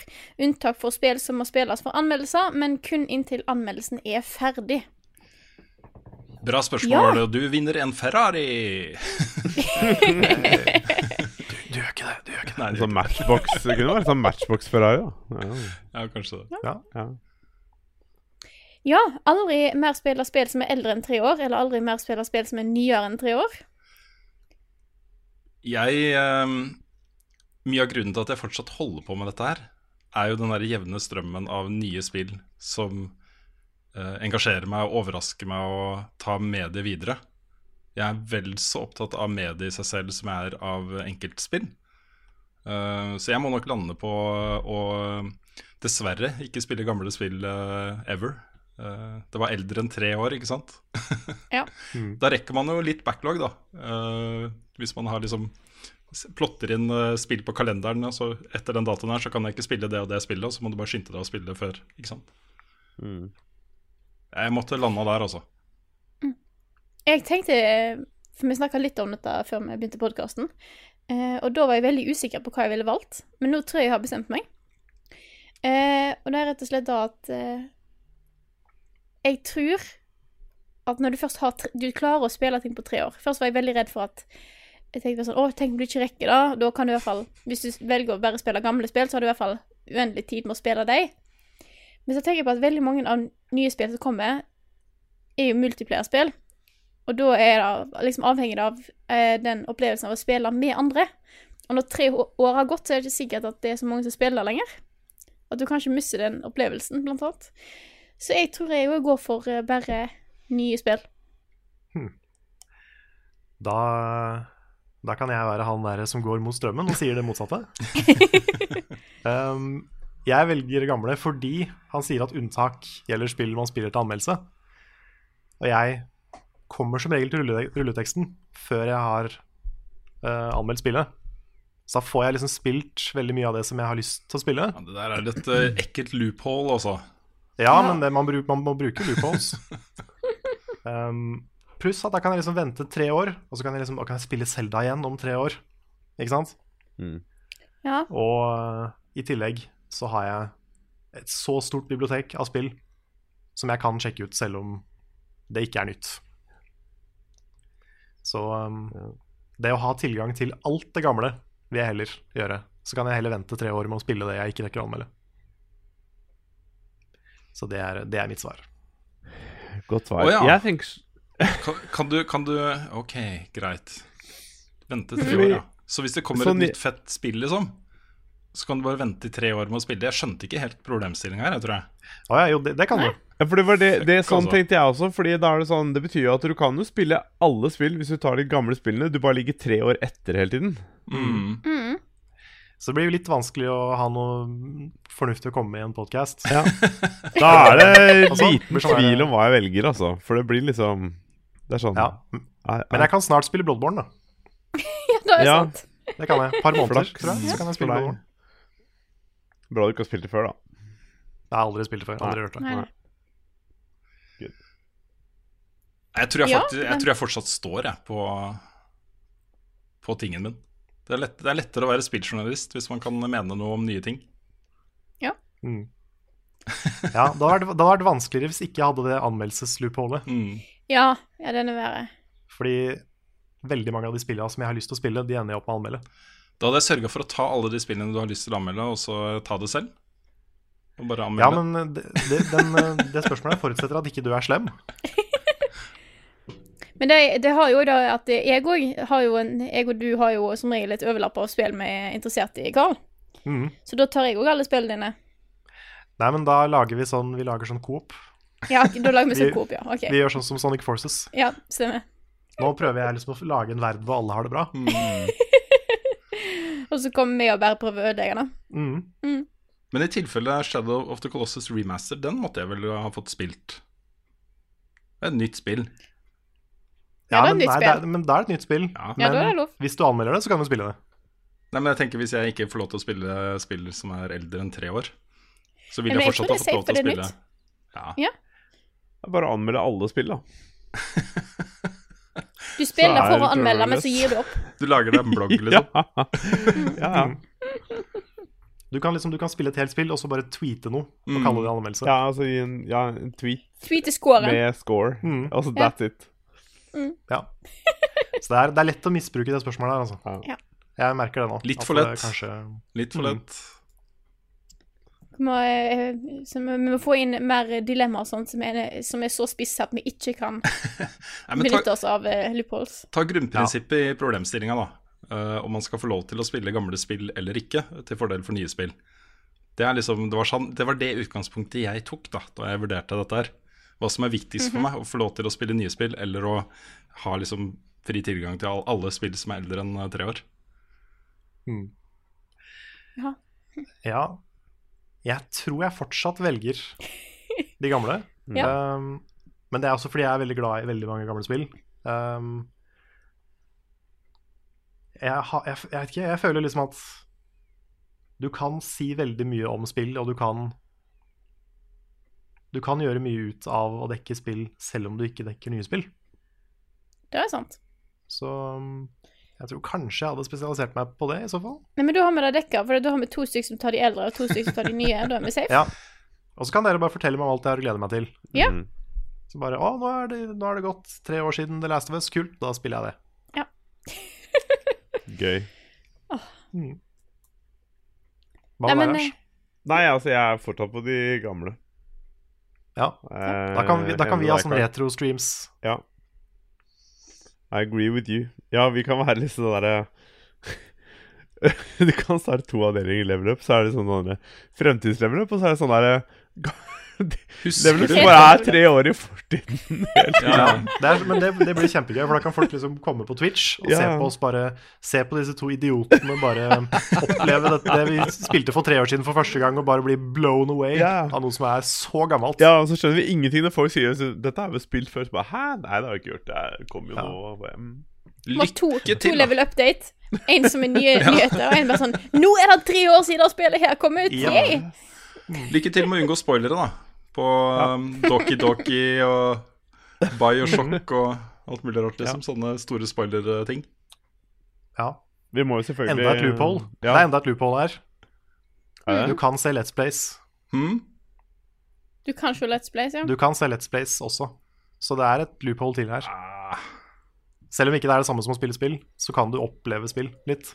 ja, det vil jeg ha begynt altså. Det står ikke i eh, spørsmålsstillingen. Det har du funnet på selv, Karl. Vi må så Altså, hvis folk gir oss sånne vanskelige dilemmaer, så da prøver vi å finne loopholes. Mm. Ja. Det er en del av uh, gamet. Skal vi hoppe videre, folkens? Det kan vi gjøre.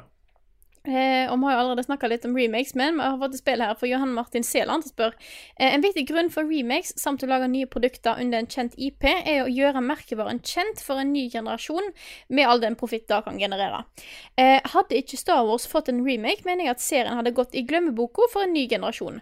Hva spill mener dere trenger å bli gjenskapt for ikke å bli glemt? Så skriver hun i PS det er 21 år siden første Harry Potter-bok kom. Tipper det kommer en ny runde produkter i serien veldig snart. Hmm. Ja. Ja, han har jo et poeng, selv om uh, ungene mine begynte å snakke om Yoda og Star Wars lenge før de hadde sett et sekund av eh, Star Wars på, på TV eller et eller annet. Uh, så noen av de merkevarene er nok sterkere enn han uh, tror.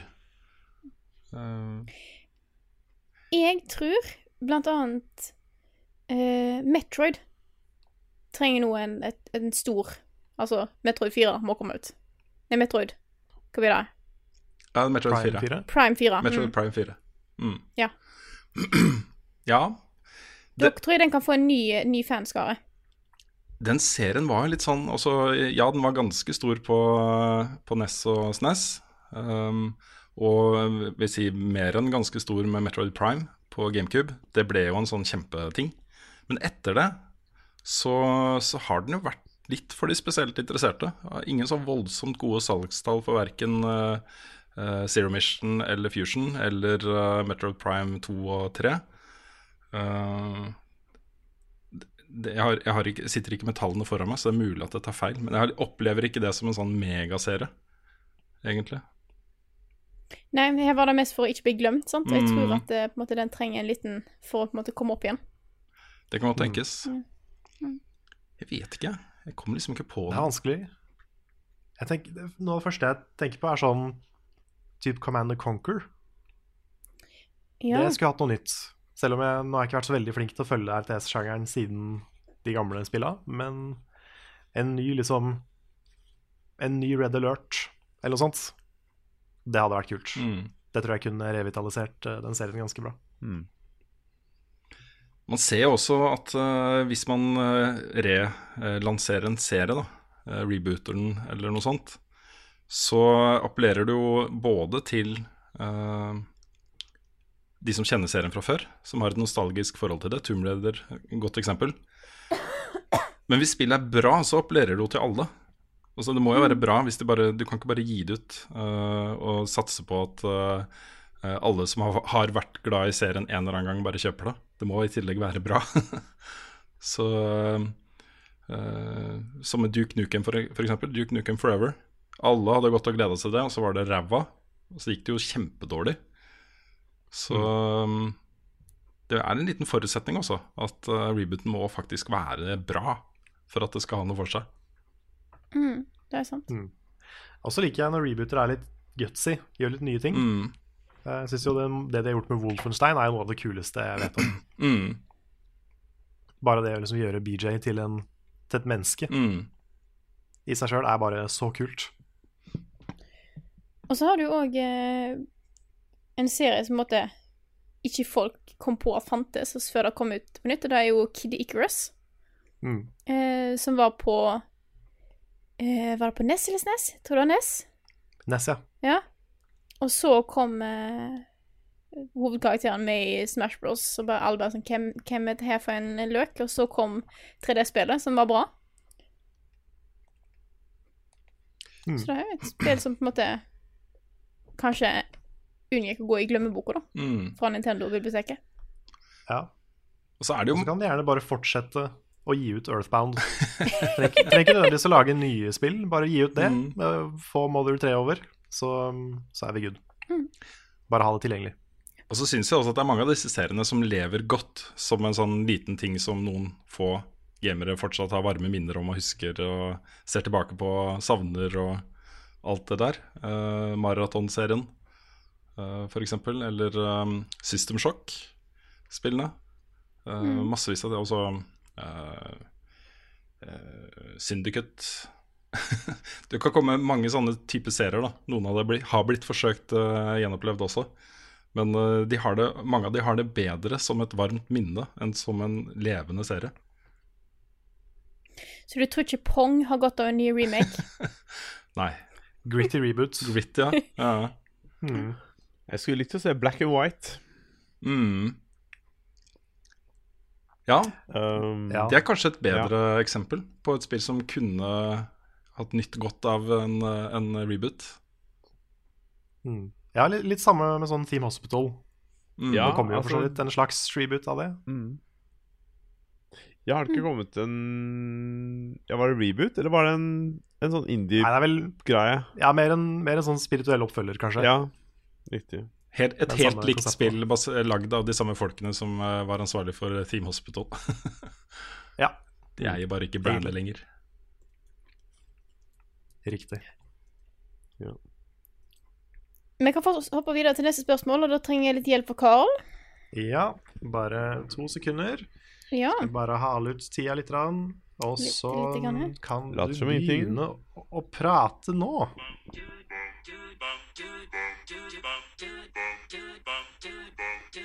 Ukens Sinfor. Fra skala fra 1 til 10, hvor stort konkurranseinstinkt har dere, og hva spill mener dere sjøl dere er uslåelige i mot andre i level up? Det er et spørsmål her fra Trond Sinfor Borgersen, da altså. Kan, jeg mista litt av spørsmålet der. Er det mulig å få det en gang til? Vi kan få det en gang til. Um, stor, eh, fra, én 1 til 10, hvor stort konkurranseinstinkt har du? Og hva spill mener du sjøl du er uslåelig i mot andre i level up? eh, kan, kan man få en gang til? Nei da.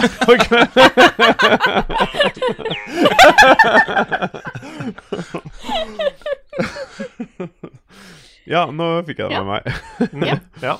Har du lyst til å begynne, Lars? Ja, Siden jeg eh, kan nå har du godt fått det gjøre med det. Konkurranseinstinktet mitt er ikke liksom på sånn Frida-nivå, så det er liksom vanskelig å slå det, føler jeg. Men um, uh, FPS-spill og sånn, så tror jeg jeg skulle greie å knuse de fleste, altså. Til og med Nick.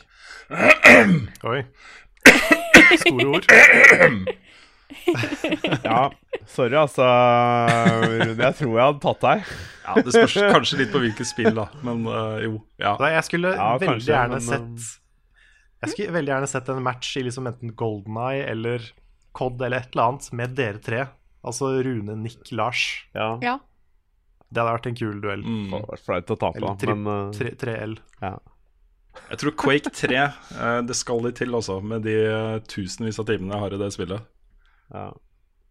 Alt Ta jeg kan om COD, da. David. Ja, det, det tror jeg kanskje hadde gått verre for meg, ja.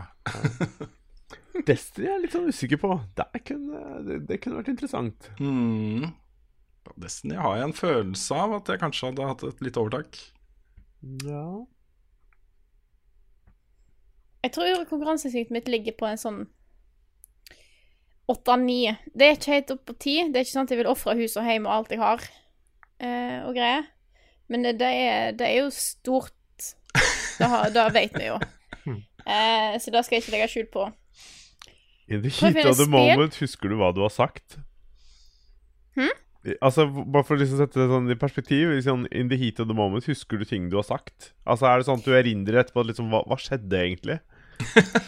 Eh, eh, nei, jeg har ikke blacka ut ja. eh, under en konkurranse. Det tror jeg ikke jeg har gjort. Ah, okay. ah. Jeg har sagt et par ting som jeg var litt mer sånn overraska over, over at jeg bare Å ja. Ja. Jeg har det i Hadde ikke tenkt å bli så gira. Det er jo den gangen jeg spilte kort med familien i jula i fjor. Eh, altså ikke 2017, men 2016. Og vi pleier å spille en del kort med familien. Og nå har jeg bodd ganske lenge vekke, så jeg er vant med å liksom ikke være hjemme med familien og roe ned språkbruket mitt litt, da. Eh, og så spilte vi kort, og så trakk jeg Så trakk jeg inn et kort som var Nei, jeg tror jeg gjorde et, en do- dum ting, strategisk dum ting, i kortspill med mamma, tanta mi og mormor, og sa 'å, fuck'. Eh, banning er ikke tillatt hjemme. I det hele tatt. Det er på en måte Jeg får bekymre seg. ja, du må slutte å banne sånn, Frida. Og når jeg da eh, skriker ut 'å, fuck' eh, i familiebesøk, så blir det veldig stilt. Oi, oi, oi. Det er sånn Det er det verste når du blir helt stille. Eh, Tanta mi og søskenbarnet mitt holdt på å le seg i hjel, for de var ikke forberedt på det. Og mamma har ikke sagt et ord om det! Det er sånn der Så, ja. alle- pinlig stille. Så bare ja, jeg vet ikke hva Ja. som skjedde, men kan hun gå? Så det er sånn Nei, eh, hva spill jeg er ganske sikker på at jeg hadde vunnet mot alle sammen i. Eh, ganske sikker på Splatoon. Veldig sikker, og da har jeg bevis på, at jeg kunne overlevd lengst i Don't Starve. Ja. Ja. Ellers Ja. eh, ja.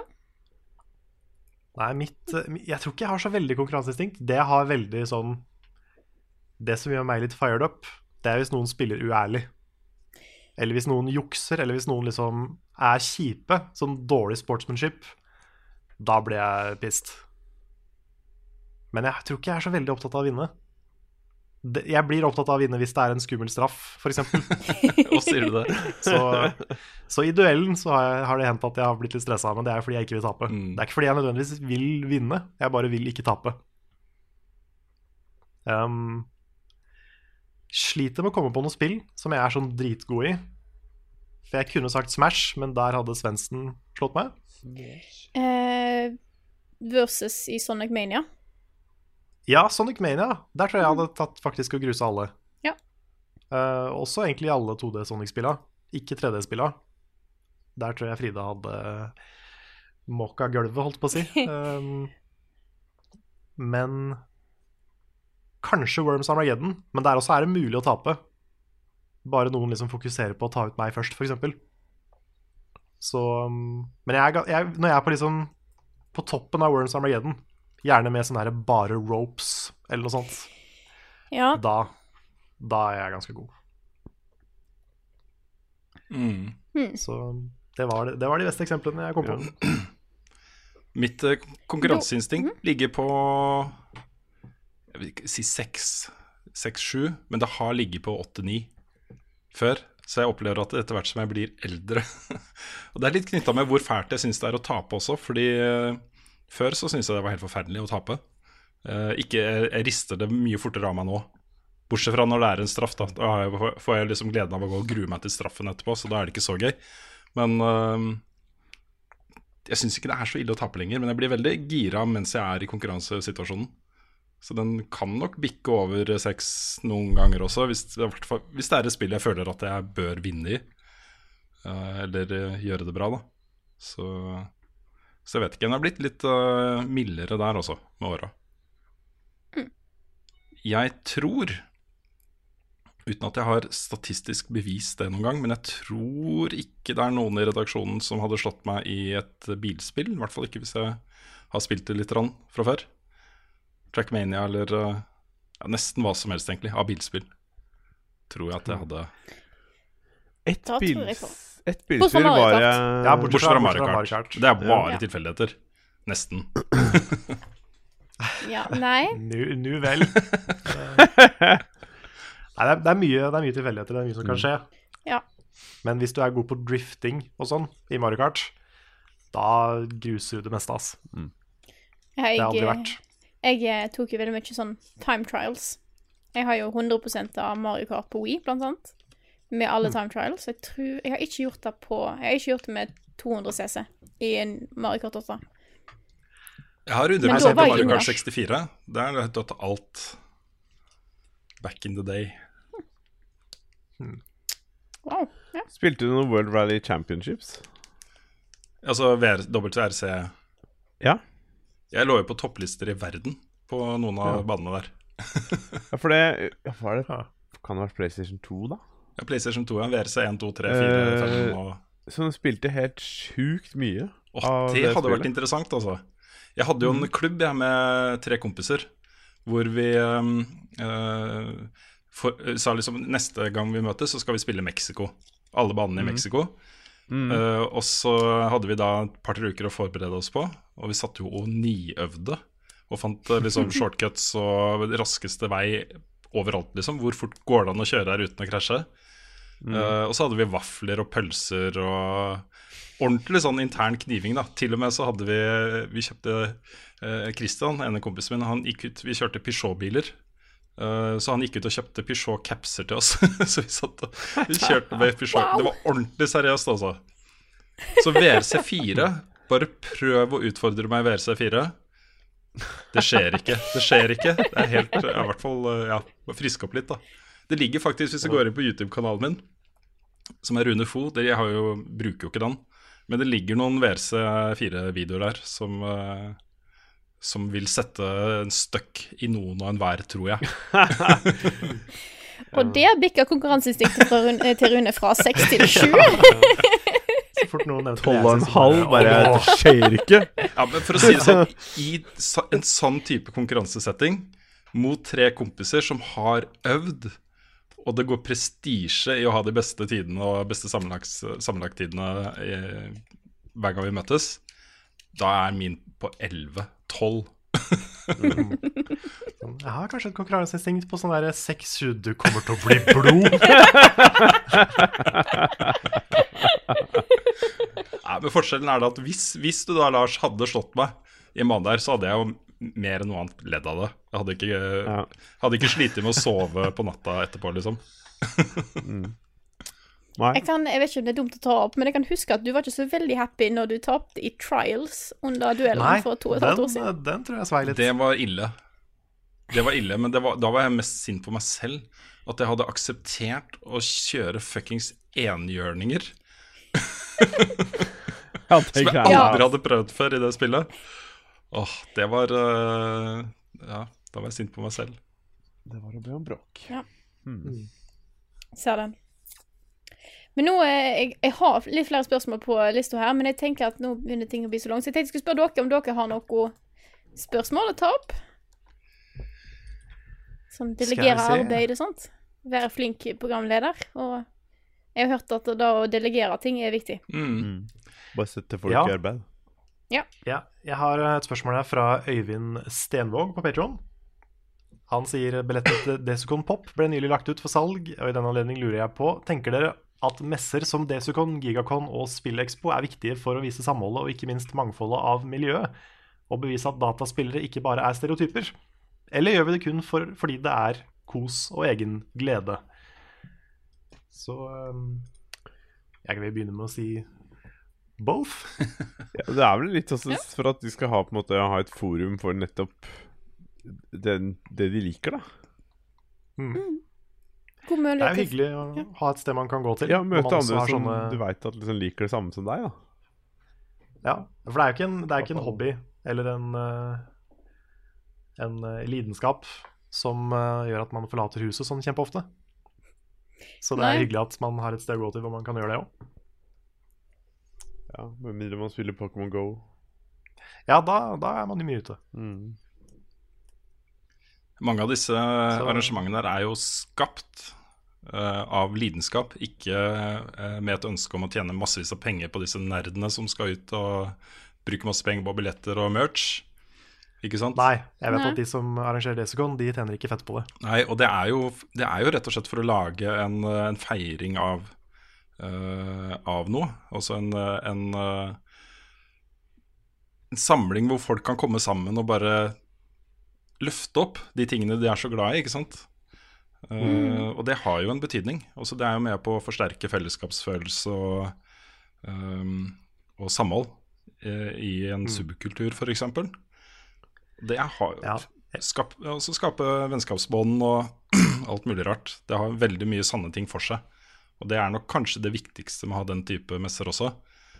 Uh, og så vet jeg ikke helt hva motivasjonen er bak f.eks. SpillExpo. Jeg tror nok det er mer kommersielt enn uh, Desegon er.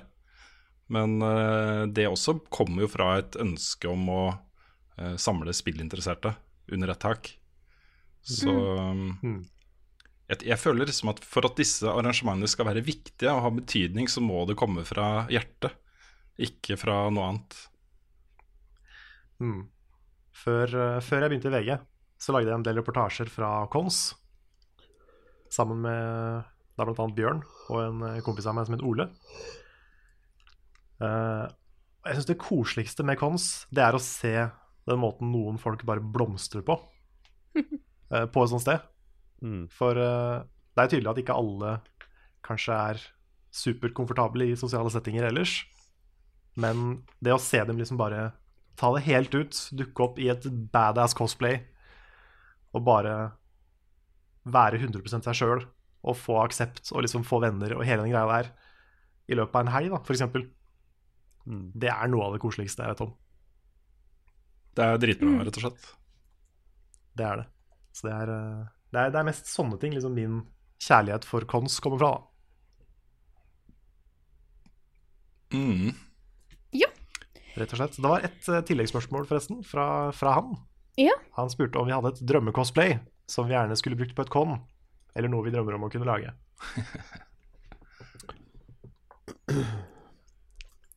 Ja. Hmm. Ja. Jeg har eh, Har vi noen gode Jeg har eh, veldig lyst en gang å uh, komme som uh, Big Daddy med Little Sisters på et con med ungene.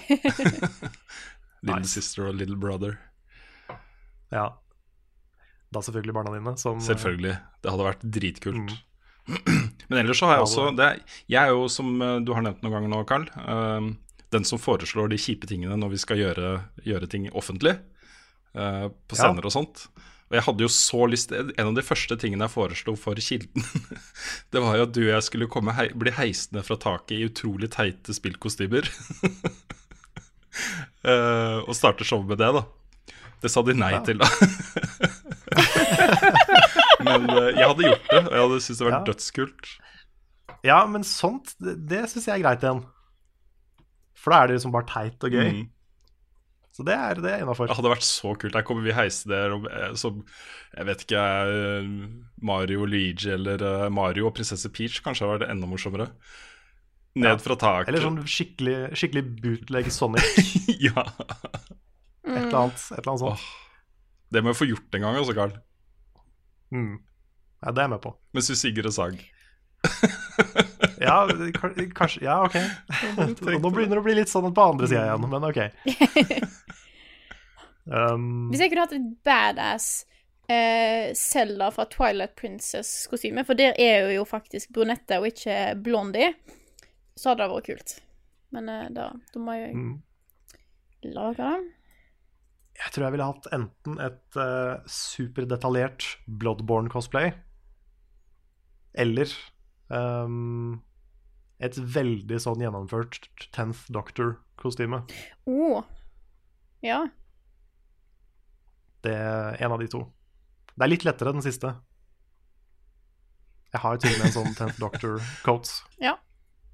Du skal bare, kan bare kle på deg, rett og slett. Kan bare kle på meg. Jeg må, jeg må liksom ha håret, og jeg må, ha, jeg må gjøre noe med brillene. Kanskje jeg må ha 3D-briller. Og så kunne jeg tusla bak deg som Dalek. Ja. Ja, det kan dere. Du kan sitte inni en sånn liten Dalek-tank. oh. Jeg så det er en gang et skikkelig, skikkelig dritbra bajonettakostyme. Det dukka opp, jeg tror det var Sega som la det ut, eller et eller annet. Og det var sånn Tenk å kunne gjort noe sånt.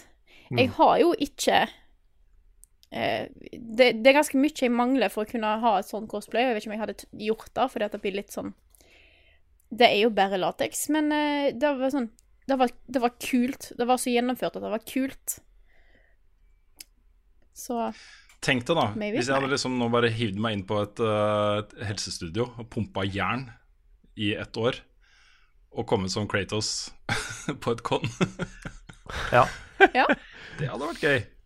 Jeg sa jeg, Jeg jeg, satt og tenkte på det samme, at liksom, hvis, jeg kan, hvis jeg kan komme dit, at jeg kan cosplaye liksom, noen sånne typer figurer. Sånn liksom He-Man eller Conan eller Kratos eller liksom sånne skikkelig bøffe oh, Lars som du hadde Duke vært fett. Nukem. Det hadde vært fett, det. Ja! Fett. Apropos det, hørte dere at uh, det, er, det ser ut som det kan bli film med John Cena i hovedrollen som Duke Nukem? Ja, jeg så det. Det er noe. Ja. da er noe. Det er kult. Michael Bay Nei, som men jeg, tror produsent. hvis jeg hadde vært Ja, selvfølgelig er det det. Ja. Jeg tror hvis jeg hadde vært så buff at jeg kunne cosplay liksom typ Supermann eller noen sånne veldig tettsittende drakt-superheltfigurer, da hadde jeg kanskje også vært så stolt av kroppen min at jeg hadde gjort det. Mm. Ja, det da. Men eh, det er et stykke, altså, før det. Er det tar litt mer enn et år òg, for å bli liksom Ja, ja. Da skal du helst dedikere et liv til det. Nei, for ja, jeg har Ja, hørt det fins noen ting som heter steroider. Ja, det det funker er bra. Klart, det går jo an. Ja, men, um, det kan du bare ta noe sånne Ja. ja. Ja, ja. Det er å anbefale òg. Det er ikke skadelig på noen som helst måte. Og bare Nei, all nei, good for you. Jeg, vil, jeg hadde gått for det. Mm. Hørt at du får stor tiss av det. Ja, Ja, ja. Bra temperament og Ja, eh, Ikke ja, ja. kviser, ikke mister du håret, ikke Nei. Nei. Så det er- alt er bare tipp topp. Perfekt. Ja, men så bra. Ikke kan du dø heller, så mm. Nå Nei, du blir jo udødelig, faktisk. Ja, det Ja. gjør faktisk det. Ja. Nå sitter det sikkert da én person eh, som ikke skjønte ironien i den delen. Og som, eh, om, om, noen, om noen dager så kommer vi i avisa Mm. som podkasten som anbefalte steroider. Som nå er lagt ned. Jeg har et Nei, ikke, ikke Nei, ikke gjør det. Jeg har et uh, spørsmål, jeg også. Ja. Det er fra uh, Hans Christian Wangli, som spør Har dere et spillminne dere hadde vært villige til å betale penger for å slette fra hukommelsen? Høyaktuelt for meg akkurat nå. Jeg skulle gjerne ikke ha visst hvordan Shadow of the Colossus eh, slutter. Det hadde jeg betalt, det hadde jeg faktisk betalt penger for. Gått inn et sted og oh, ja. fått noen til å skjære ut Ja. det minnet, sånn at jeg kan oppleve det en gang til for første gang. Ja, sånn, Jeg har At du på en fortsatt måte- ikke Jeg trodde det var litt sånn at du skulle ikke At dette, var, dette her var too much. Det her vil jeg ikke huske at jeg har spilt. Jeg trodde det var sånn type Ah. opplevelse. Altså, Jeg tolka det sånn som jeg svarte på det, men eh, det er sikkert Ja, Ja. ja nei, Jeg, men det- jeg tror du kan tolke begge veier. Ja, men jeg, jeg henger litt med på den der. At du liksom At du kan slette hjernen så du kan spille igjen og ha liksom en kul opplevelse med det. Mm. Det er det, det, er det du på en måte Ja. Mm. ja plenty. Ja, mange eksempler. Ja. Undertale. Jeg tenkte litt på det. Firewatch. Jeg tror Jeg hadde Jeg angrer litt på at jeg ikke lagde en Let's Play eller noe ut av Doki Doki Literature Club. Ja, så hvis jeg hadde liksom fjerna alle minner fra Doki Doki, så kunne liksom f.eks. Rune og jeg, som da ikke hadde spilt det, laga en Let's Play av det spillet. Mm. Mm. Det er ikke noe gøy nå som jeg vet hva som skjer. Men sånn, apropos, da. Nei, det da. Eh, jeg, kan jo, jeg kan jo vente med å spille det, Karl, til neste gang du skal velge filmetull. Så kan du ha det som en option å velge det. Ja, jeg har, jeg har vurdert Mm. det. At det kanskje kunne vært en kul eh, Film i tull-serie. Jeg får se. Mm. Det er noe der. Men det er mange sånne hendelser i spill som uh, har vært utrolig sterke for meg. Og det kommer flere av dem i det spillet du spiller nå, Karl. Som jeg gjerne, jeg gjerne skulle opplevd for første gang igjen også. Uh, egentlig hele den serien. Massevis av sånne, sånne moments som bare Oh, shit! Så uh, Bioshock, for eksempel. Ja. Mhm. Jeg lurer på om jeg kanskje legger over en sånn beep over det du sa der, Karl. I tilfelle. Eller er det greit? Ja, kan, ja, kanskje er det for stor spoiler. Kanskje. Ja. Jeg skjønte ikke referansen, så Nei, men hvis du hadde satt deg ned nå og spilt Bioshock, så ville du Å, ja det, er, det er sant, det. Kanskje det er greit å bli på det. jeg, jeg, jeg bliper ut denne. Jeg skal notere meg tidspunktet, mm, cirka. Det er bra. Det er bra. Jeg, det var ment som et hint, men jeg skjønte at det ble, ble litt mye. Skal vi se. Ja, det er bare å fortsette podkasten. Jeg har ikke tenkt å klippe her. Nei, Å ja. Å ja, jeg trodde du skulle klippe. Nei, men så greit. Da, eh, Lars, hadde du sett et spørsmål du hadde lyst til å ta opp? Nei, jeg har ikke det. eh, for å være helt ærlig. Så mm, Nei, men Da lurer jeg litt på om det er kanskje på tide å runde av, for nå har vi jo snakka om eh, masse greier. Nå har vi holdt på lenge. Ja, nå er vi godt over halvannen time. Ja. Så jeg tror egentlig eh, Jeg tror jeg først og fremst bare vil eh, si tusen takk til alle som støtter oss på Patron. Dere er fantastiske folk. Bare sånn punktum. Dritbra. Jeg, jeg Det har lyst til å nevne én ting også, siden vi er her. Eh, det, en, Ja. det ene eh, To ting. Det ene er at vi Hvilken dato i mars var det igjen? Vi skal til Tønsberg. 15. 15. mars så er vi i Tønsberg for å ha denne podkasten her live på Tønsberg bibliotek. Eh, arra- Yes. Arrangementet starter klokka sju, hvis jeg ikke husker det feil. Ja, Tror ikke helt sikker. ikke jeg, men Søk opp eh, Tønsberg bibliotek uh, Level Up uh, på Facebook, så finner du alle detaljene om det arrangementet. Gleder meg veldig til. Det andre er at vi snart har toårsjubileum. Uh, og det blir et live-event av det. Uh, men i første omgang så kommer vi til å tilby uh, billetter gratis til uh, Patron-backerne. Så hvis du er Patron-backer, så vil det i løpet av de nærmeste dagene komme en post på sidene der med detaljer om hvordan du kan få vært med på liveshowet vårt på vårt toårsjubileum. Det blir gøy. Ja. det blir jo også streama, så hvis ikke du får vært der fysisk, så kan du få det med deg likevel. Absolutely. Så det. Ja. Da hadde du sagt det du skulle? Ja, da får jeg egentlig bare eh, takke for oss. Tusen takk til Lars, som eh, ble med i dag som jeg håper å si fast gjest. Veldig hyggelig. Takk for meg. Thank you, Lars. Så da er kjekt. Håper du har mulighet til å være med eh, igjen snart. Det er alltid koselig å ha deg med. Vil jeg skal, nå? For at nå jeg hørte jeg, Altså, når du snakka nå, så ble det ble bare sånn der blipp for meg. Så jeg var litt usikker på om jeg skulle svare for noe eller ikke. For jeg hørte ingenting av hva du sa. Jeg sa jeg håper du har mulighet til å være med en gang snart, for det er alltid koselig å ha deg med. Ja. Eh, Ja. Gjerne. Eh, Finn en tid som passer, så I'm down. Nice. Bra, bra. Yep. Men da eh, får jeg egentlig bare si takk for at du hørte på akkurat denne episoden av Label Backup, og så snakkes vi igjen neste uke.